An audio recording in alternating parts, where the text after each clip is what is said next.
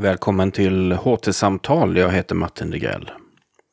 Sedan några veckor tillbaka så kan man gå in på filmarkivet.se och där ta del av en samling säregna filmer. De är korta och lite längre, ofta experimentella, många olika genrer, dokumentärer, animation, fiktion. De är gjorda från tidigt 70-tal till tidigt 90-tal och allihop är publicerade under rubriken immigrantfilmare. De som har ansvarat för urvalet av dessa filmer är John Sundholm, professor i filmvetenskap vid Stockholms universitet och Lars Gustav Andersson, professor i filmvetenskap här i Lund. Och det är även deras gemensamma forskning som nu resulterat i detta tillgängliggörande av tidigare ganska okända filmer.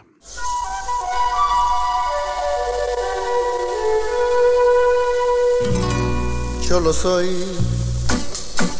y no me compadezcas.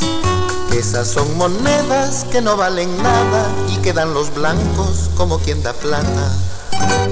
Då sitter jag här med Lars Gustav Andersson och eh, vi ska prata om de filmer som nu ligger på Filmarkivets hemsida som är med tema immigrantfilmer som det eh, kallas där. Det är ett urval av eh, filmer som då har kurerats av, av dig och eh, din kollega i Stockholm. John Sundholm. John Sundholm mm. ja. Men om vi börjar i den andra änden, alltså det här är ju på något sätt resultatet av ert forskningssamarbete eh, som har resulterat i lite böcker och så vidare. Kan du börja lite med att säga hur, hur det där satte igång? Det där? Mm, gärna, gärna. Det är därför att det, eh, det är en, eh, en lång historia som jag förhoppningsvis ska göra lite kortare nu. Eh, men som börjar i att eh, vi två tillsammans med en tredje kollega, Astrid Söderberg Widding, för ganska många år sedan bestämde oss för att skriva en historia över svensk experimentfilm. Och eh, den svenska experimentfilmen eller avantgardfilmen är inte så där omfattande. Det är ingen stor produktion. Eh, och de titlar som är kända är inte så många. Det är kanske Viking Egelings Diagonalsymfoni och, och, eh, och, eh, några till. Men det, det, finns ganska mycket att säga ändå som har att göra med den svenska experimentfilmens kultur. Eh, alltså tidskrifter man gav ut, klubbar som bildades och hur man tog emot framförallt amerikansk och fransk avantgardfilm. Det där blev en liten bok som heter A History of Swedish Experimental Film Culture. Och till att börja med så trodde vi att det var ganska lätt att skriva det där därför att vi skulle kunna gå på redan skrivna källor. Men det fanns ganska lite skrivet och vi var tvungna att själva gå till arkiv och eh, intervjua folk och, och leda eh, söka eh, historien bakåt så att säga. Och, eh, ett av de arkiv som vi kom att utnyttja, det var någonting som hette Filmverkstans arkiv. Filmverkstan var en eh, ganska ambitiös verksamhet som bedrevs på Svenska Filminstitutet, finansierat av Filminstitutet och Sveriges Radio tillsammans från 1973 och fram till slutet på 90-talet. Och det där tillkom i eh, 70-talets kulturpolitiska anda då man gärna ville demokratisera kulturen. Eh, och det vill man förvisso nu också, men det, var, det, fanns en, det, fanns, det fanns en väldig vilja att föra ut kultur, men också att göra inte bara kultur som någonting man konsumerar, utan också kultur som något man producerar. Och eh, det fanns en mycket ambitiös, eh, det var en mycket fin eh, filmutredning som la grunden till det där och Harry Schein som eh, många eh, förknippar med Svenska Filminstitutet eh, understödde detta eh, mycket och eh, det gjorde att man fick till stånd den här filmverkstaden som, som helt enkelt var en lägen, lägenhet. Först belägen på, på Snickarbacken och sen så flyttade man till, till Skeppsholmen där man, där man stoppade in lite klippbord och, och eh, lite annan utrustning och där det fanns några kompetenta handledare. Och sen var tanken att mannen på gatan eller vem som helst, amatören, skulle kunna komma in och eh, med en ansökan och få göra en film. Och det här var då inte fråga om långfilmer utan eh, det var ju, handlade om smalfilmer i, kort, alltså i kortfilmsformat. Man fick väldigt många ansökningar till det här och eh, det var ju som sagt då inte pengar man delade ut utan det var, det var handledningstid och det var lån av utrustning. Det gjordes eh, sammanlagt under filmverkstadens tid eh, ungefär 400 filmer där. Eh, eh, de flesta då korta kortfilmer. Eh, och det visade sig efterhand eh, att det var visserligen amatörer och eh, eh, helt eh, oskolade filmare som kom dit, men det var också många professionella och halvprofessionella filmare som, som tog sin tillflykt dit därför att de inte kunde göra film någon annanstans eller därför att de behövde hjälp att mixa eller hjälp att eh, klippa eller göra någonting sånt. Va? Så att en hel del etablerade filmare och eh, konstnärer eh, lånade filmverkstadens utrustning. Ja, vi, eh, det här var ett viktigt arkiv för oss och när vi eh, då skrev den här boken, den andra boken som då blev om filmverkstaden och där eh, är det bara jag och John som arbetar med det materialet. Så upptäckte vi också när vi gick igenom eh, materialet som alltså består av Filmverkstadens arkiv består av en massa papper, det är alltså inte filmer. Eh, och det är ansökningshandlingar och det är korrespondens och det är beslut och det är protokoll. Och de här var då helt oordnade för de hade skyfflats mellan olika rum i, i Filminstitutet på Gärdet. Och eh, en del av vår uppgift var då att helt enkelt ordna de här kronologiskt. Så vi ordnade det där arkivet, vilket var ett mycket tidsödande men samtidigt mycket bra sätt att komma in i det. Eh, då kan man säga att vi fick en bild av de här filmerna som gjordes. Eh, vi, fick, vi fick ungefär kläm på vilka de var, men vi hade ju inte filmerna. Eh, därför att de här var då gjorda i små format. Ofta så var de, eh, fanns de inte i så många kopior. Några få hade visats på mm, Sveriges Television. Några få gick vidare till Filmcentrum och annan distribution. Men det, flesta vis, det mesta visades liksom i eh, föreningssammanhang eller i, på galleri eller, eh, eller sådär. Eh, så att vi började där att, att ta, liksom försöka hitta upphovsmakarna här och hitta filmerna. Och, och eh, de letade i garderober och, och sådär. Och mycket var tyvärr förkommet, men, eh, men eh, en, en hel del kunde vi samla in.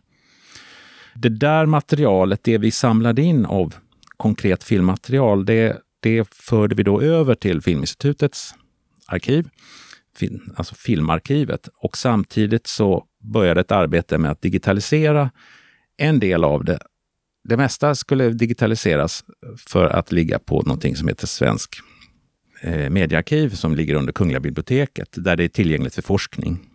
Men sen så var det också meningen att något av det skulle digitaliseras eh, lite mer Eh, fullständigt eh, och med högre kvalitet för att kunna göras tillgängligt på filmarkivet.se som, som man kan säga är Filminstitutets gränssnitt utåt, liksom, där, där, ehm, där det finns ganska mycket film eh, i, under olika teman. Och då gjorde vi ett tema om filmverkstaden. Om man tittar på vilka som gjorde film på filmverkstaden då, så, så är, var det i, i väldigt hög grad grupper som inte kom in i filmbranschen. Va? Det är en, en högre andel kvinnliga filmare i filmverkstaden än vad det vid den tiden var eh, i eh, den professionella filmbranschen. Det är folk från hela landet. Det är inte bara Stockholm som är representerat.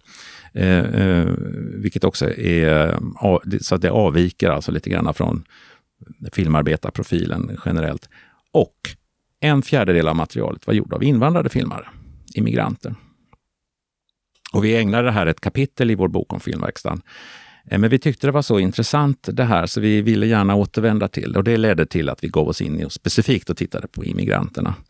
Och då, då eh, valde vi ut ett antal andra arkiv eller organisationer som också hade varit inblandade i att göra film. Eh, och eh, försökte se om man kunde ehm, se hur, hur, hur immigranterna kom in i, i, i, i, filmproduktion. Det här handlar, det vi har gjort handlar inte så mycket om att, att, att tala om hur, hur eh, immigra- nu säger jag immigranten här, jag väljer det. Man kan också prata om exilfilmare eller invandrad filmare eller, eller, eller så. Va? Eh, men immigrant filmmaking har blivit, har blivit ett slags um, nyckelbegrepp i internationell filmforskning och så har vi använt det. Så, så därför så pratar vi om immigrantfilmare. Eh, men diasporafilmare och exilfilmare och, och eh, det finns många benämningar på det här. Vad vi ville titta på var inte så mycket hur deras filmer såg ut faktiskt. Och heller inte så mycket om hur de representerades, eh, hur den här, de här grupperna representerades i de här filmerna, utan snarare hur de gjorde. Alltså hur fick de till stånd produktioner? Hur skapade de sina nätverk? Hur fick de sina filmer distribuerade? Och eh, vad använde de för teknik? Och eh, eh, vilka lösningar eh, skapade de för, för, att, för att få till stånd den här ganska omfattande produktionen? För det var ju ändå ett, eh, ett hundratal filmer som på filmverkstaden som avslutades och i andra sammanhang kanske lika många. Va? Så, att, så det var under den här perioden som vi rör oss kring, alltså från eh, 70-talet och eh, en bit in på 90-talet, så är det ganska, ganska mycket film. Tensta och Rinkeby. Två stadsdelar i Stockholms kommuns nordvästra utkant. Byggda under bostadsbristen på 60-talet. Omskrivna och omtalade långt utanför Stockholm.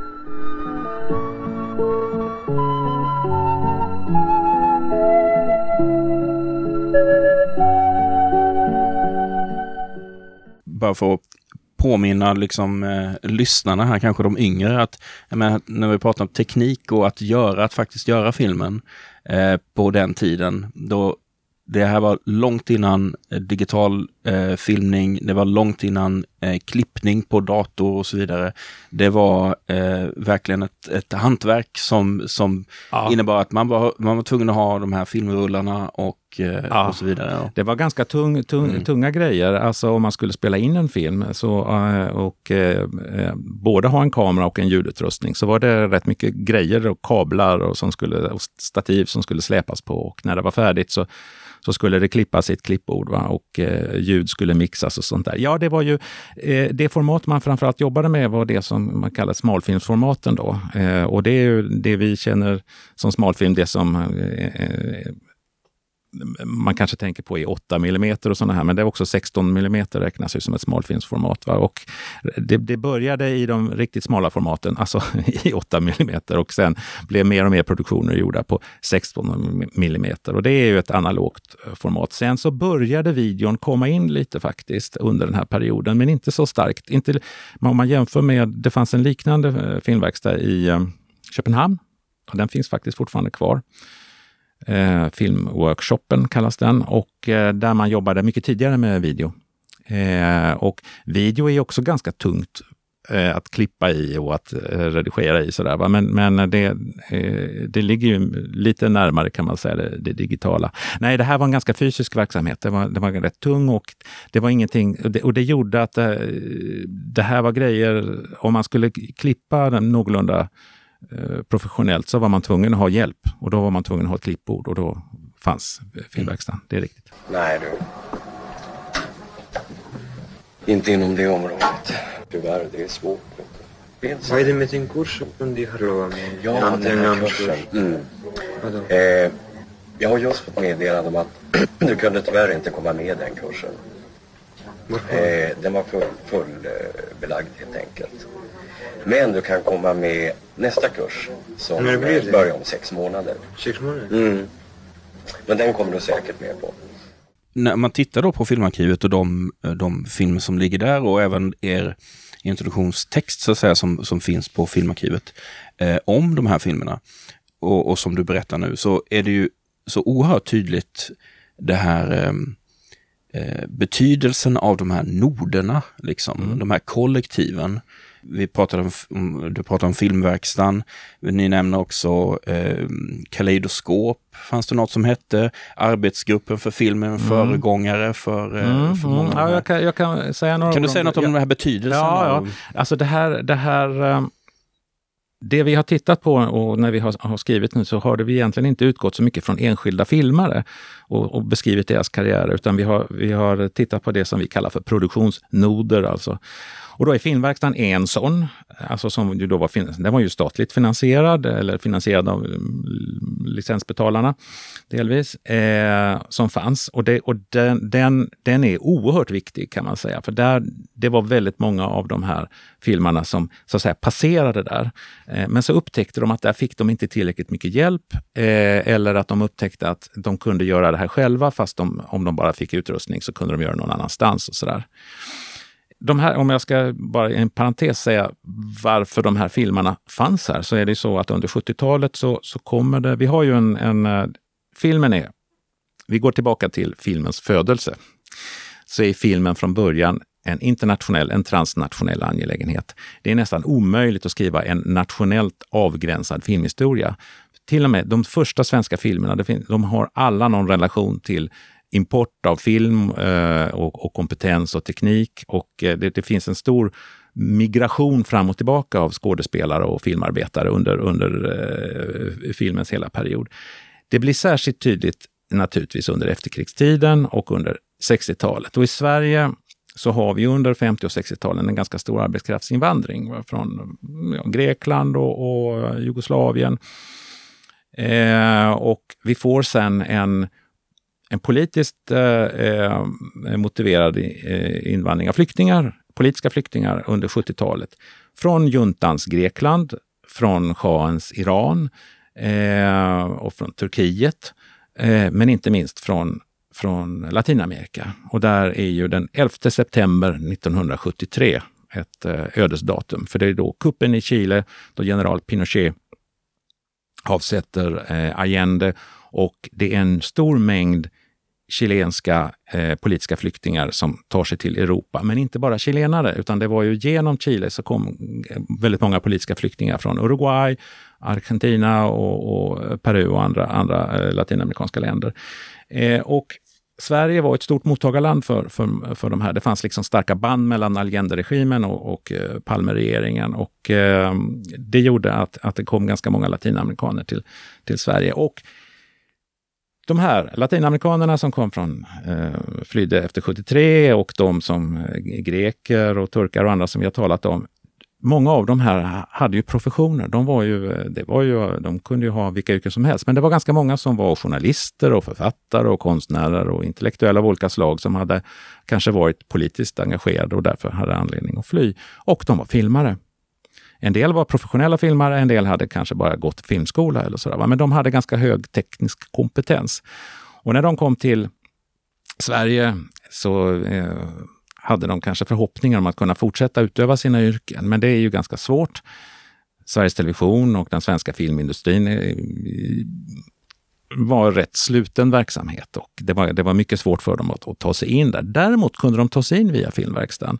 För filmverkstaden var väldigt öppen eh, och eh, eh, det fanns många kanaler dit in, så att det var många som liksom träffades där. Och sen gick de därifrån till andra sammanhang och då skapades några av dem. Det var en turkisk filmare som hade flytt via Finland till Sverige som hette Muammer Özer. Och Muammer, eh, han skapade en förening som heter Kaleidoskop som var en förening, jag tror den hette, eh, de kallade det för immigrantfilmare. Va? Så det var Immigrantfilmarnas förening och de, de, eh, skapade också årliga filmfestivaler, immigrantfilmfestivaler. De gjorde små egna distributionskataloger Eh, och Muammer, som fortfarande är still going strong, eh, skrev debattartiklar och, och, och, var en centralgestalt. Eh, sådär. Så att Kaleidoskop var nog tänkt att bli en produktionsnod, men det var kanske snarare ett, ett nätverk där folk som producerat film på olika sätt kom samman och kunde visa filmerna. Sen så skapades det några andra sådana här eh, mindre produktions noder eller, eller eh, filmbolag helt enkelt, eller föreningar som, som, eh, som, som gjorde film. Och vi nämner ett antal av dem där och ehm, eh, en, eh, en av dem som, där väldigt mycket film gjordes är Tensta filmförening som leddes av en, en eh, grekisk ehm, filmare eh, som hette Charolampos Tsokas eller Babis Tsokas. Eh, han jobbade på posten i, i, i, eh, i Stockholm, men var eh, lidelsefullt intresserad av film. Och han, han jobbade med eh, ungdomar i Tensta. eh, på fritidsgårdar och gjorde filmer kollektivt. Han gjorde, flera, alltså han gjorde ett antal långfilmer, men han gjorde i eget namn. Men han gjorde också väldigt många filmer där det var liksom hundratals inblandade. Och han håller, han håller fortfarande på nu med, med likna, liknande produktioner med hundratals volontärer. Liksom.